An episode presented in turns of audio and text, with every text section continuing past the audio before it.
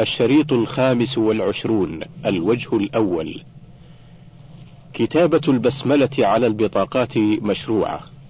الهامش مجموع فتاوى ومقالات متنوعة. الجزء الخامس الصفحة السابعة والعشرون بعد الأربعمائة. شيخ بن باز يرحمه الله. انتهى الهامش. سؤال هل يجوز كتابة البسملة على بطاقات الزواج؟ نظرا لأنها ترمى بعد ذلك في الشوارع. أو في سلال المهملات؟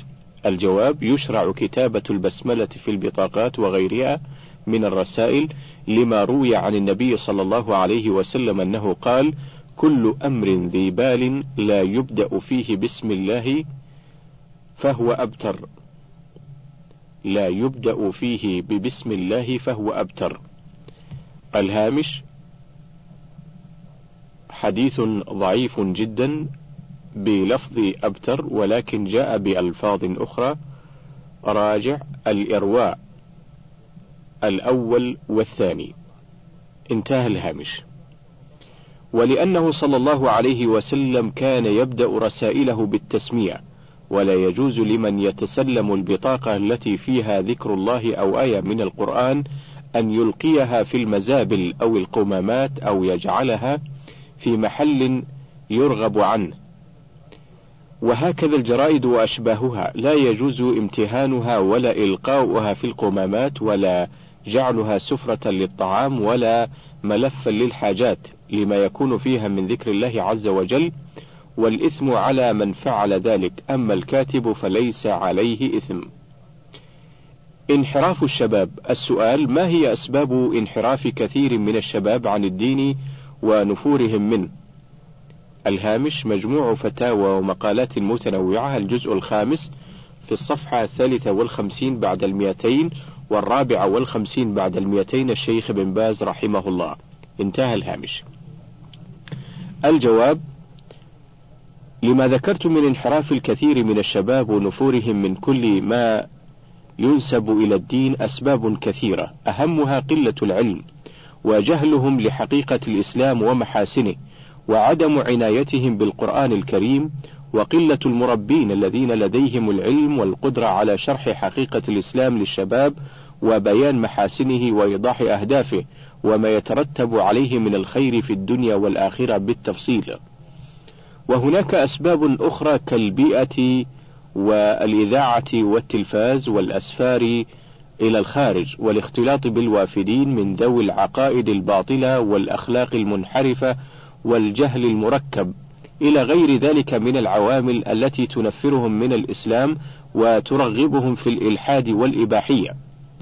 فاجتمع في هذا المقام الكثير من الشباب خلو قلوبهم من العلوم النافعة والعقيدة الصحيحة ووفود طوفان من الشكوك والشبهات والدعايات المضللة والشهوات المغرية، فنتج عن ذلك ما ذكرتم من السؤال من الانحراف فنتج عن ذلك ما ذكرتم في السؤال من الانحراف والنفور من كل ما ينسب إلى الإسلام من الكثير من الشباب. وما أحسن ما قيل في هذا المعنى أتاني هواها قبل أن أعرف الهوى فصادف قلبا خاليا فتمكنا وأبلغ من ذلك وأصدق وأحسن قوله تعالى أرأيت من اتخذ إلهه هواه فأنت تكون عليه وكيلا؟ أم تحسب أن أكثرهم يسمعون أو يعقلون إنهم إلا كالأنعام بل هم أضل سبيلا. سورة الفرقان الآيتان الرابعة والأربعون والخامسة والأربعون. والعلاج فيما أعتقد يتنوع بحسب تنوع الداء فأهم ذلك العناية بالقرآن الكريم والسيرة النبوية وبالمدرس الصالح والمدير الصالح والمفتش الصالح والمنهج الصالح. وإصلاح أجهزة الإعلام في الدور, في الدور الإسلامية وإصلاح أجهزة الإعلام في الدور الإسلامية وأن تطهر مما فيها من الدعوة إلى الإباحية والأخلاق غير الإسلامية وأنواع الإلحاد والفساد إذا كان القائمون عليها صادقين في دعوى الإسلام والرغبة في توجيه الشعوب والشباب إليه. ومن ذلك العناية بإصلاح البيئة وتطهيرها مما وقع فيها من من الأوبئة. ومن العلاج أيضا منع السفر إلى الخارج إلا لضرورة. والعناية بالتوعية الإسلامية النقية الهادفة بواسطة جميع الأجهزة الإعلامية والمدرسين والدعاة والخطباء. وأسأل الله أن يمن بذلك وأن يصلح قادة المسلمين ويوفقهم للفقه في دينهم والتمسك به ومحاربة ما خالفه بصدق وإخلاص وجهود متواصلة إنه سميع قريب. التسجيلات الإسلامية السؤال تعلمون ما تقوم به التسجيلات الإسلامية في هذا الوقت من دور مهم في توجيه الناس وقد قام أهل الشر بتشويه سمعتهم وأنهم ماديون وغير ذلك أرجو من فضيلتكم توضيح الأمر لنا حتى لا تلتبس الحقيقة على من ليس له بصيرة. الهامش مجموع فتاوى ومقالات متنوعة الجزء الخامس في الصفحة السابعة والسبعين الشيخ بن باز رحمه الله. انتهى الهامش. الجواب لا شك أن الحرص على تسجيل المقالات النافعة والمواعظ والأحاديث المفيدة كل ذلك مفيد للأمة، ومن فعل ذلك لنفع الأمة فهو مأجور، وعليه في ذلك الصبر والاحتساب، ولو قيل فيه ما قيل تأسيا بالرسل عليهم الصلاة والسلام وبالأخيار قبله. ولا حرج في بيع الأشرطة المشتملة على ذلك مع تحري الأسعار الخفيفة التي لا تثقل على الناس، ليستعين بها على مهمته وينفع الناس بعمله. لما في ذلك من نشر للعلم وتعميم الفائدة. وأنا أنصح باقتناء الأشرطة الطيبة وأنصح بشرائها والاستفادة منها إذا كانت صالحة لأنه ليس كل شريط صالح. لأنه ليس كل شريط صالحا. وليس كل من تكلم يكون كلامه مفيدا وجديرا بأن يسجل. فالواجب على طالب العلم أن يختار من الأشرطة ما كان صادرا من أهل العلم المعروفين بالعلم والتحقيق. ليستفيد من ذلك ويسمع ويسمعه أهله وإخوانه وزملاءه وعليه أن يحذر من تسجيل ما يضره ولا ينفعه. ترك الوظائف التي فيها بعض المعاصي الهامش فتاوى معاصرة في الصفحة الواحدة والستين الشيخ بن باز يرحمه الله انتهى الهامش السؤال بعض الناس ينكر على من يترك الوظائف التي فيها المعاصي والمحرمات ويرمونهم بالتسرع والهلكة وعدم الحصول على الوظائف وهل الأرزاق بيد هؤلاء؟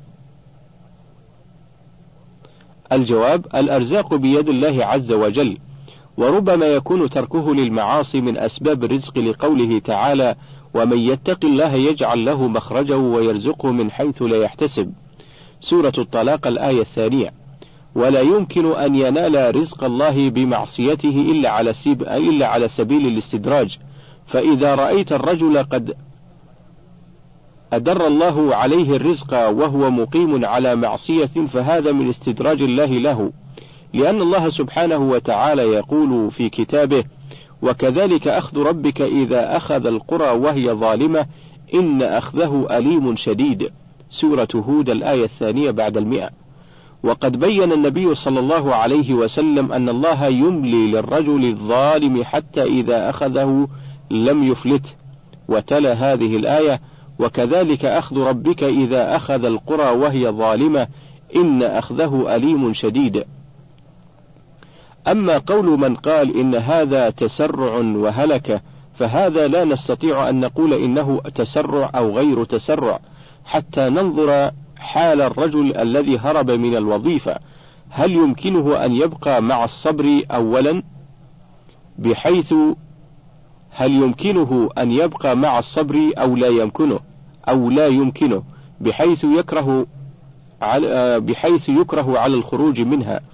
فإذا أمكنه أن يصبر ويحتسب على ما يناله من الأذى لا سيما في الأمور المهمة كالجيش وشبهه فهذا هو وهذا هو الواجب عليه وإن لم يمكنه وأكره على أن يخرج فالإثم على من أخرجه. حكم التورية. الهامش مجموع دروس فتاوى الحرم المكي الجزء الثالث في الصفحة السابعة والستين والثامنة والستين بعد الثلاثمائة. الشيخ ابن عثيمين. انتهى الهامش. السؤال ما حكم التورية؟ وهل فيها تفصيل؟ الجواب التورية أن يريد الإنسان بكلامه ما يخالف ظاهر الكلام وهي جائزة بشرطين الأول أن يكون اللفظ محتملا لها والثاني ألا تكون ظلما فلو قال رجل أنا لا أنام إلا على وتد والوتد عود يوضع في الجدار ويعلق عليه المتاع. وقال الرجل أنا أريد بالوتد الحبل فهذه تورية صحيحة. لأن اللفظ يحتملها وليس فيها ظلم لأحد.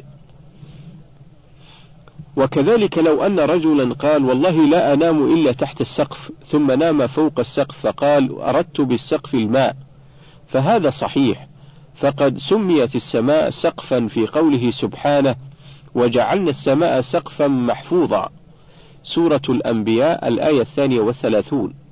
وكذلك لو استخدمت التورية للظلم فلا تجوز كمن أخذ حقا من إنسان ثم ذهب إلى القاضي ولم تكن للمظلوم بينة فطلب القاضي من آخذ الحق أن يحلف أن ليس له عندك شيء فحلف وقال والله ما له عندي شيء فحكم له القاضي ثم كلمه بعض الناس في ذلك وعرفه أن هذه يمين غموس تغمس صاحبها في النار.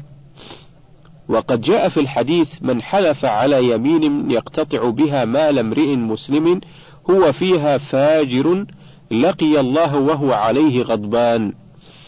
الهامش رواه البخاري في الشهادات رقم 2669 و 2670 ورواه مسلم في الإيمان رقم 138 انتهى الهامش.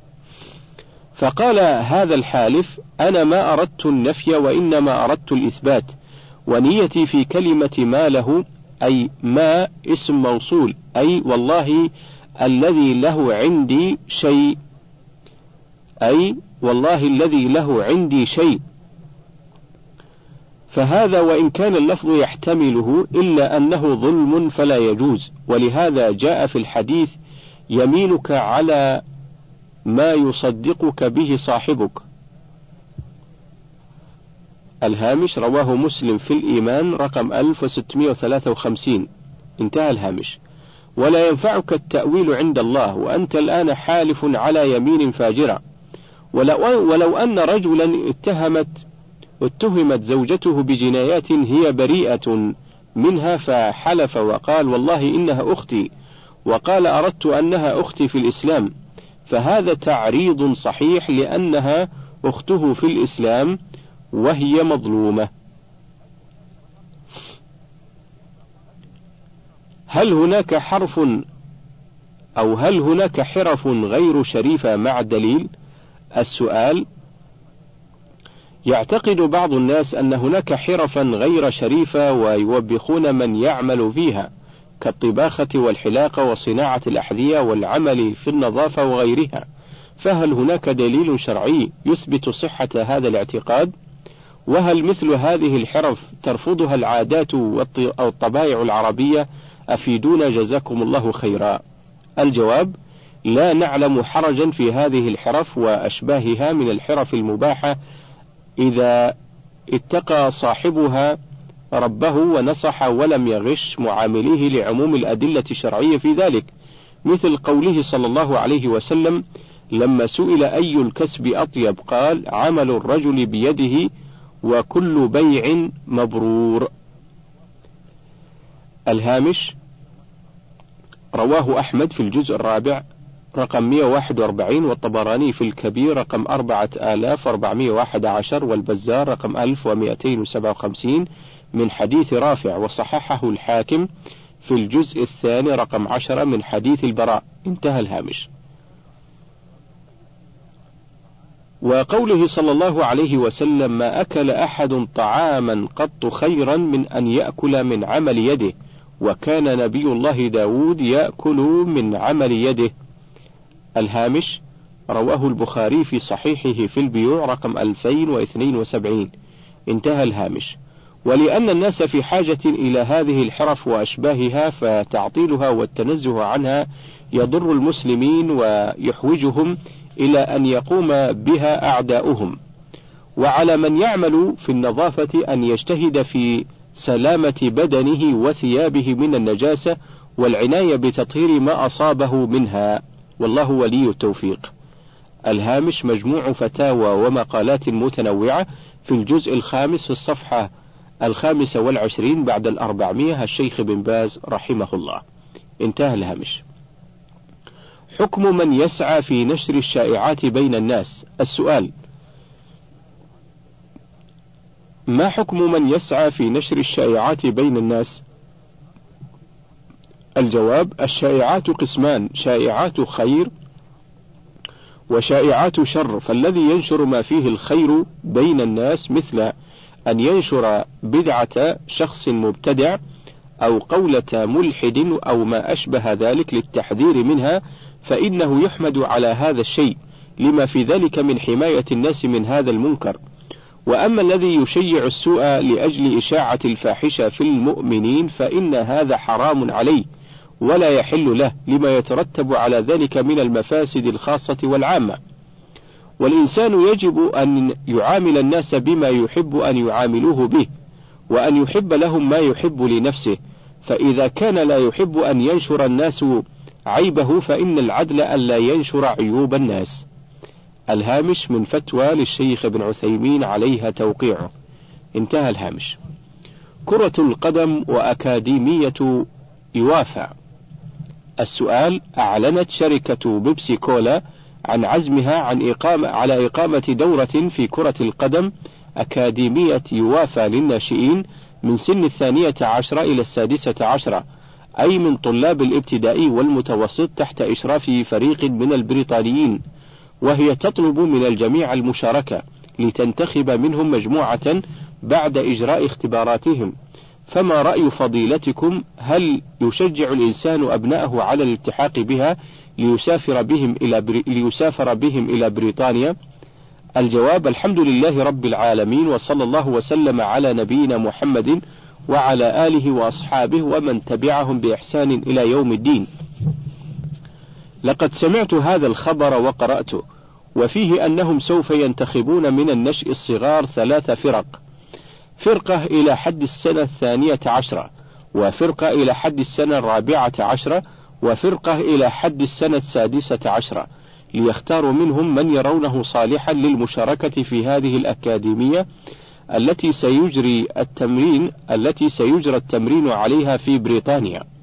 وأنا لا أظن أن أحدا من الناس يسمح لولده فلذة كبده وثمرة فؤاده أن يسافر في هذا السن إلى بريطانيا أو غيرها من بلاد الكفر، لما في ذلك من الخطورة العظيمة على دين الولد وأخلاقه وعبادته.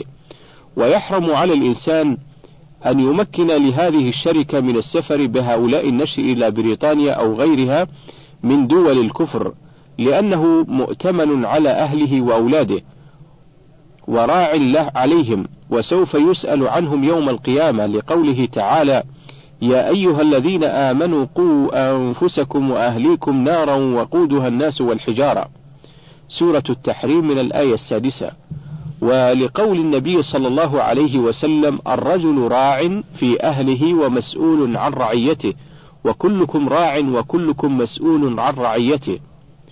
الهامش رواه البخاري في الاستقراض رقم 2409 ومسلم في الإمارة رقم 1829 انتهى الهامش.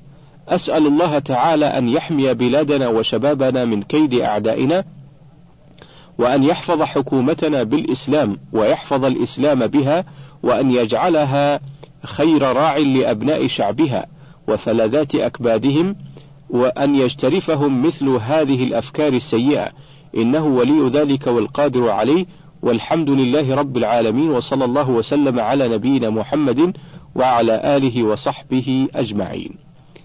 الهامش فتاوى معاصرة في الصفحتين الرابعة والستين والخامسة والستين الشيخ ابن عثيمين. انتهى الهامش.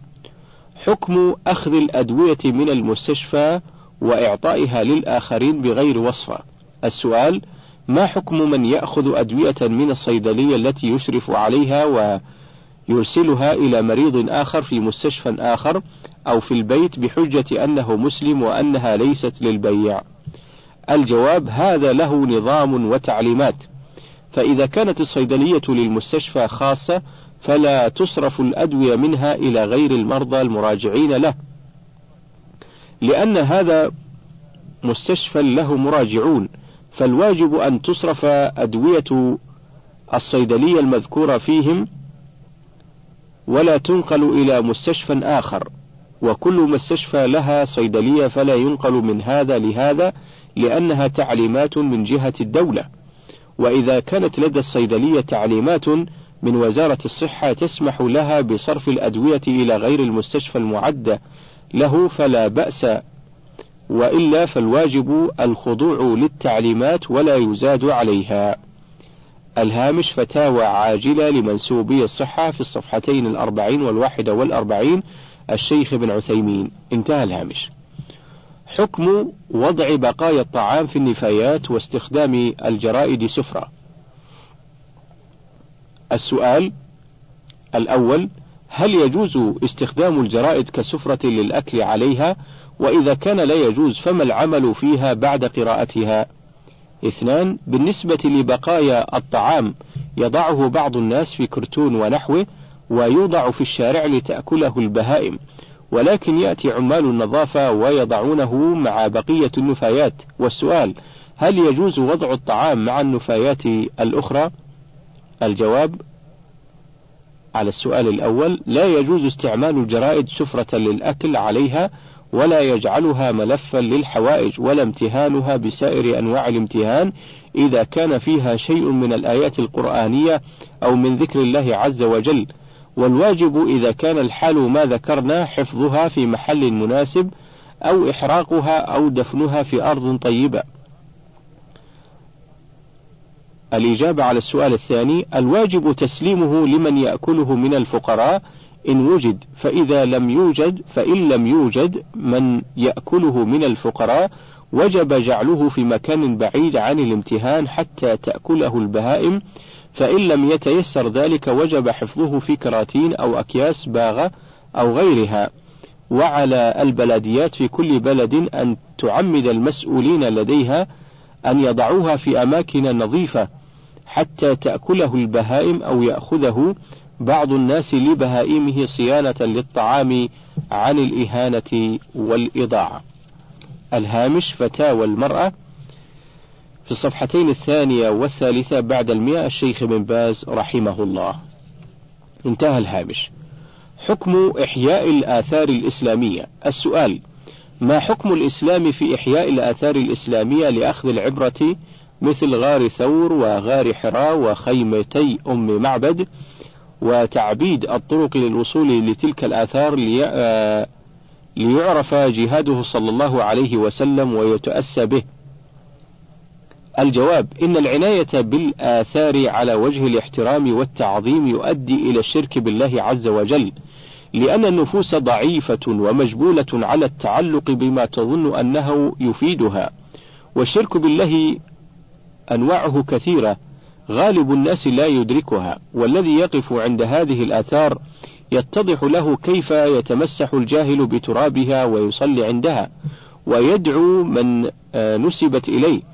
ظنا منه أن ذلك قربة إلى الله وسبب لحصول الشفاء ويعين على هذا كثير من دعاة الضلال ويزينون زيارتها حتى يحصل بسبب ذلك الكسب المادي.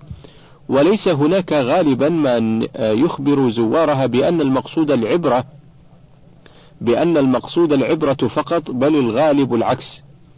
وروي في الترمذي وغيره بإسناد صحيح عن أبي واقد الليثي قال خرجنا مع رسول الله صلى الله عليه وسلم إلى حنين ونحن حدثاء عهد بكفر وللمشركين سدرة يعكفون عندها وينطون بها أسلحتهم يقال لها ذات أنواط. فمررنا بسدرة فقلنا يا رسول الله اجعل لنا ذات أنواط كما لهم ذات أنواط. فقال صلى الله عليه وسلم الله أكبر إنها السنن. قلتم والذي نفسي بيده كما قالت بنو إسرائيل لموسى اجعل لنا إلها كما لهم آلهة لتركبن سنن من كان قبلكم. الهامش رواه الترمذي في الفتن رقم 2180 وأحمد في الجزء الخامس رقم 218 انتهى الهامش. فشبه قولهم اجعل لنا ذات أنواط كما لهم ذات أنواط بقول بني إسرائيل اجعل لنا إلها كما لهم آلهة.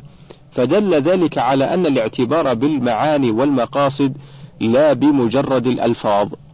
ولو كان إحياء هذه الآثار أو زيارتها أمرا مشروعا لفعله النبي صلى الله عليه وسلم أو أمر بذلك أو فعله أصحابه أو أرشدوا إليه وهم أعلم الناس بشريعة الله وأحبهم لرسول الله صلى الله عليه وسلم فلم يحفظ عنه ولا عنهم أنهم زاروا غار حراء أو غار ثور ولم يحفظ أنهم عرجوا على موضع خيمتي أم معبد ولا محل شجرة البيعة. بل لما رأى عمر رضي الله عنه بعض الناس يذهب إلى الشجرة التي بويع النبي صلى الله عليه وسلم تحتها أمر بقطعها خوفا على الناس من الغلو فيها والشرك فشكر له المسلمون ذلك وعدوه وعدوه من من مناقبه رضي الله عنه. فعلم بذلك أن زيارة تلك الآثار وتمهيد الطرق إليه أمر مبتدع لا أصل له في شرع الله والواجب على علماء المسلمين وولاة أمورهم أن يسدوا الذرائع المفضية إلى الشرك حماية لجناب التوحيد وصلى الله على محمد وآله وصحبه وسلم. الهامش مجلة المجاهد السنة الرابعة العددان السابع والثلاثون والثامن والثلاثون الشيخ بن باز رحمه الله. انتهى الهامش. الدواء الناجع للعالم الإسلامي للخروج من دوامة الوقت الحاضر. السؤال كيف ترون سماحتكم الدواء الناجع للعالم الإسلامي للخروج به من الدوامة التي يوجد فيها في الوقت الحاضر. الجواب إن الخروج بالعالم الإسلامي من الدوامة التي هو فيها من مختلف المذاهب والتيارات العقائدية والسياسية والاجتماعية والاقتصادية إنما يتحقق بالتزامهم بالإسلام وتحكيمهم شريعة الله في كل شيء وبذلك تلتئم الصفوف وتتوحد القلوب. وهذا هو الداء الناجع للعالم الإسلامي بل للعالم كله مما هو فيه من اضطراب واختلاف وقلق وفساد وإفساد. كما قال الله تعالى يا أيها الذين آمنوا إن تنصروا الله ينصركم ويثبت أقدامكم. سورة محمد الآية السابعة. وقال عز وجل ولينصرن الله من ينصره إن الله لقوي عزيز الذين إن مكناهم في الأرض أقاموا الصلاة وآتوا الزكاة وأمروا بالمعروف ونهوا عن المنكر ولله عاقبة الأمور. سورة الحج الآيتان الأربعون والواحدة والأربعون. وقال سبحانه وعد الله الذين آمنوا منكم وعملوا الصالحات لا يستخلفنهم في الأرض كما استخلف الذين من قبلهم وليمكنن لهم دينهم الذي ارتضى لهم وليبدلنهم من بعد خوفهم أمنا يعبدونني لا يشركون بي شيئا. سورة النور من الآية الخامسة والخمسين. وقال سبحانه واعتصموا بحبل الله جميعا ولا تفرقوا. سورة آل عمران من الآية الثالثة بعد المئة. والآيات في هذا المعنى كثيرة ولكن ما دام أن القادة إلا من شاء الله منهم يطلبون الهدى والتوجيه من غير كتاب الله وسنة رسوله صلى الله عليه وسلم ويحكمون بغير شريعته ويتحاكمون إلى ما وضعه أعداؤهم لهم فإنهم لن يجدوا طريقا للخروج مما هم فيه من التخلف والتناحر فيما بينهم واحتقار أعدائهم لهم وعدم إعطائهم حقوقهم وما ظلمهم الله ولكن أنفسهم يظلمون.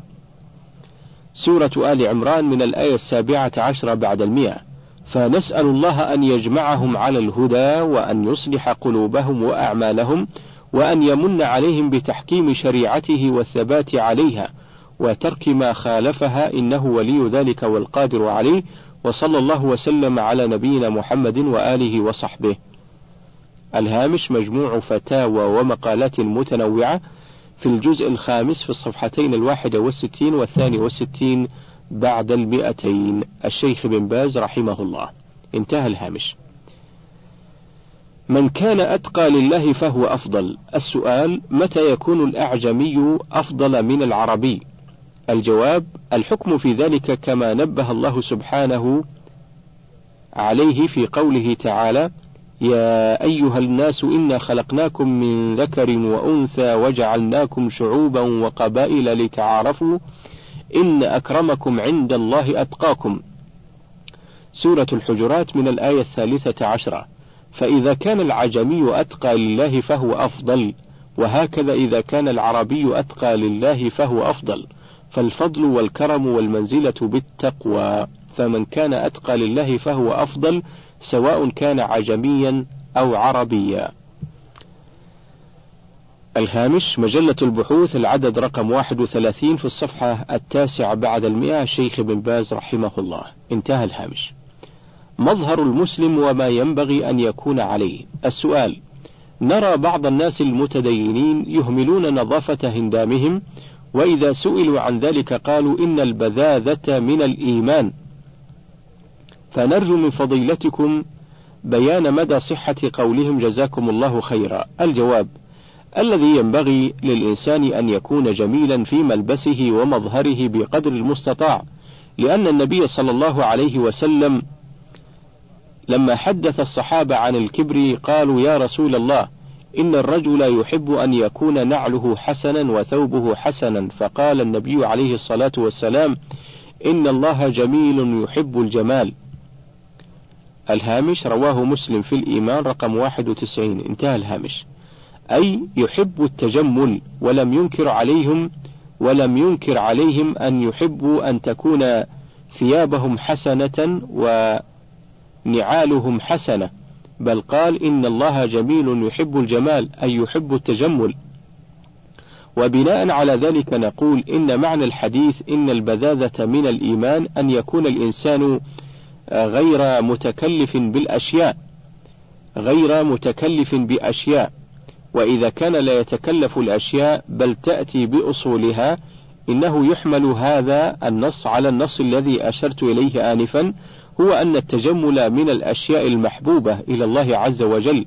لكن بشرط ألا يكون ذلك إسرافا أو ألا يكون ذلك نزولا إلى المستوى الذي لا ينبغي أن يكون عليه الرجل.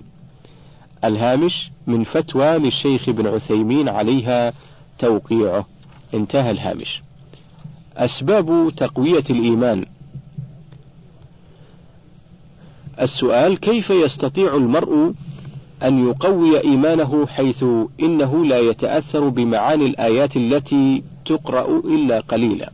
الجواب على كل حال فإن هذا الرجل يقول هذا الكلام فإن هذا الرجل يقول هذا الكلام يظهر أنه مؤمن باليوم الآخر ومصدق به، ولكن عنده شيء من من قسوة القلب، وقسوة القلوب في عصرنا هذا كثيرة جدا، وسببها الإعراض عن التعبد والتذلل التام لله عز وجل.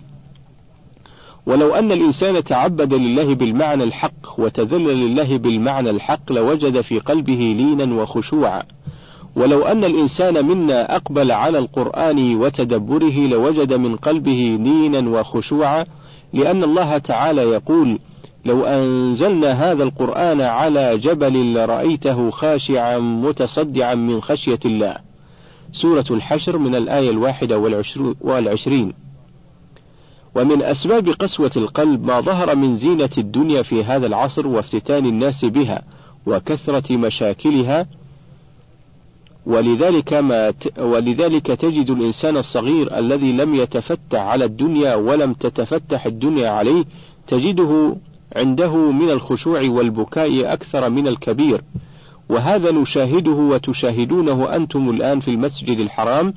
في القيام تجد شبابا صغارا في الثامنة عشر من أعمارهم ونحوها تجدهم يبكون بكاء عند ذكر الآيات التي فيها الوعيد أو الترغيب أكثر من بكاء من هم أكبر من هو أكبر منهم لأن قلوبهم ألين فهي لم تتعلق بالدنيا كثيرا ولم تذهب تنظر إلى المشاكل البعيدة والقريبة. لذلك نجدهم أكثر خشوعا وأقرب لينا ممن انفتحت عليهم الدنيا وانفتحوا عليها وصارت قلوبهم مشتتة من هنا ومن هناك. فنصيحتي لهذا الأخ أن يحصر قلبه وفكره فيما يتعلق بدينه فقط وأن يحرص على تلاوة القرآن بتدبر وتمهل وأن يحرص أيضا على مراجعة الأحاديث التي تشتمل على الترغيب والترهيب فإنها ترقق القلوب. الهامش مجموع دروس وفتاوى للحرم المكي في الجزء الثالث في الصفحة الثمانين بعد الثلاثمائة للشيخ بن عثيمين انتهى الهامش حكم التفكير في الحرام دون عمل؟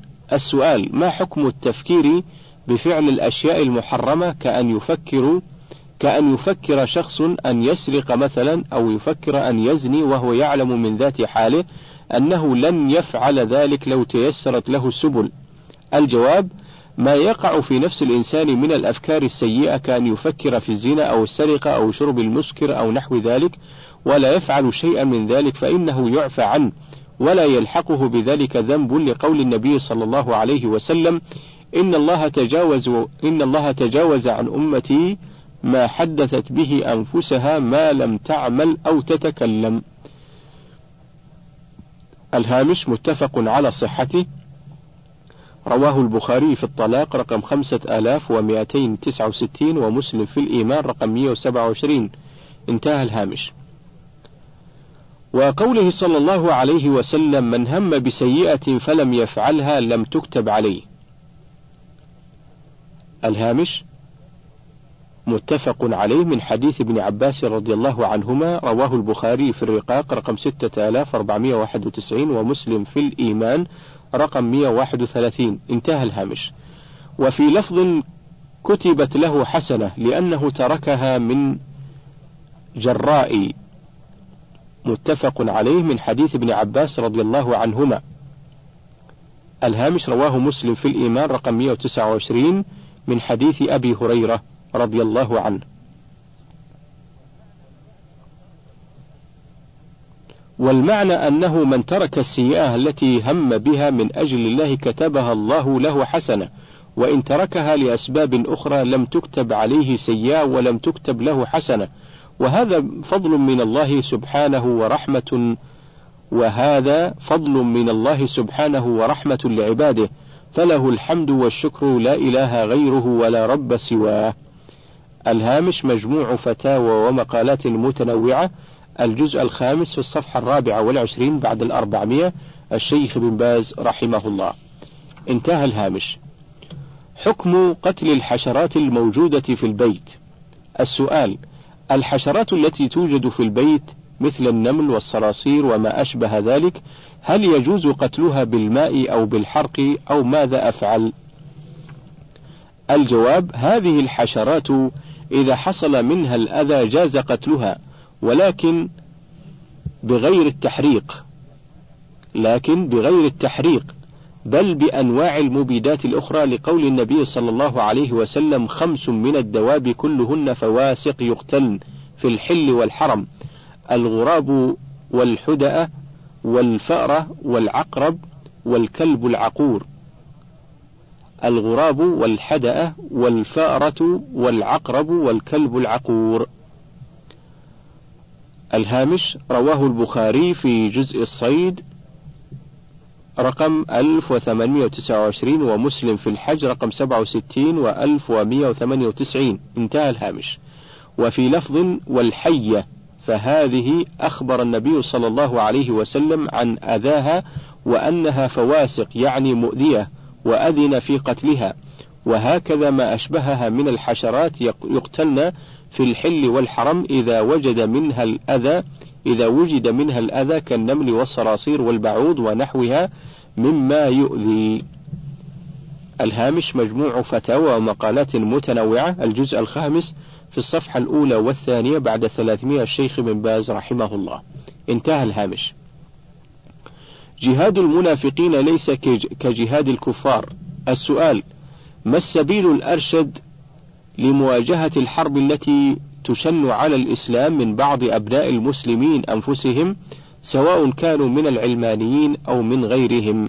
الجواب الواجب على الأمة الإسلامية أن تقابل كل سلاح يصوب نحو الإسلام بما يناسبه.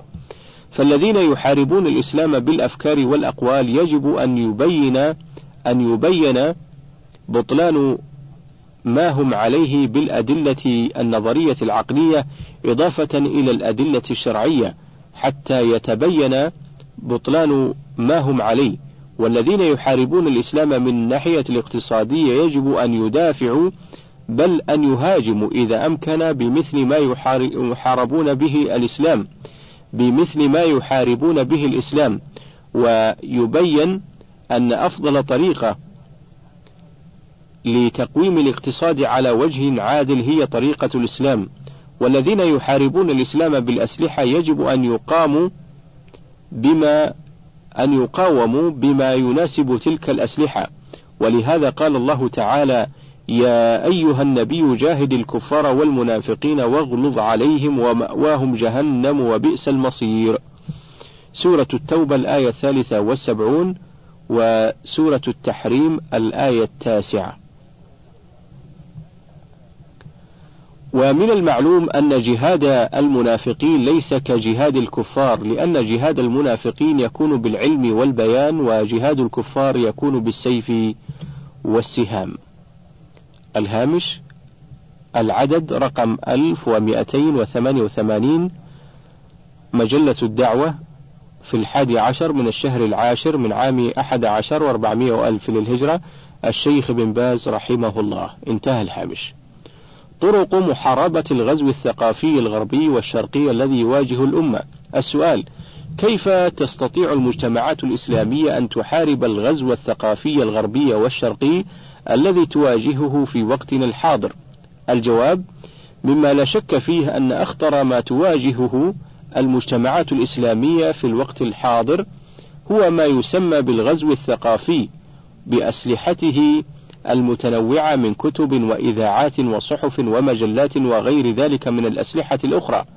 ذلك أن الاستعمار في العصر الحديث قد غير من أساليبه القديمة لما أدركه من فشلها وعدم فعاليتها ومحاربة الشعوب واستماتتها في الدفاع عن دينها وأوطانها ومقدراتها وتراثها، حيث إن الأخذ بالقوة وعن طريق العنف والإرهاب مما تأباه الطباع وتنفر منه النفوس، لا سيما في الأوقات في الأوقات الحاضرة بعد أن انتشر الوعي بين الناس، واتصل الناس بعضهم ببعض، وأصبحت هناك هيئات كثيرة تدافع عن حقوق الشعوب، وترفض الاستعمار عن طريق القوة، وتطالب بحق تقرير المصير لكل شعب، وأن لأهل كل قطر حقهم الطبيعي في سيادتهم على أرضهم واستثمار مواردهم وتسيير دفة الحكم الدفة الحكم في أوطانهم حسب ميولهم ورغباتهم في الحياة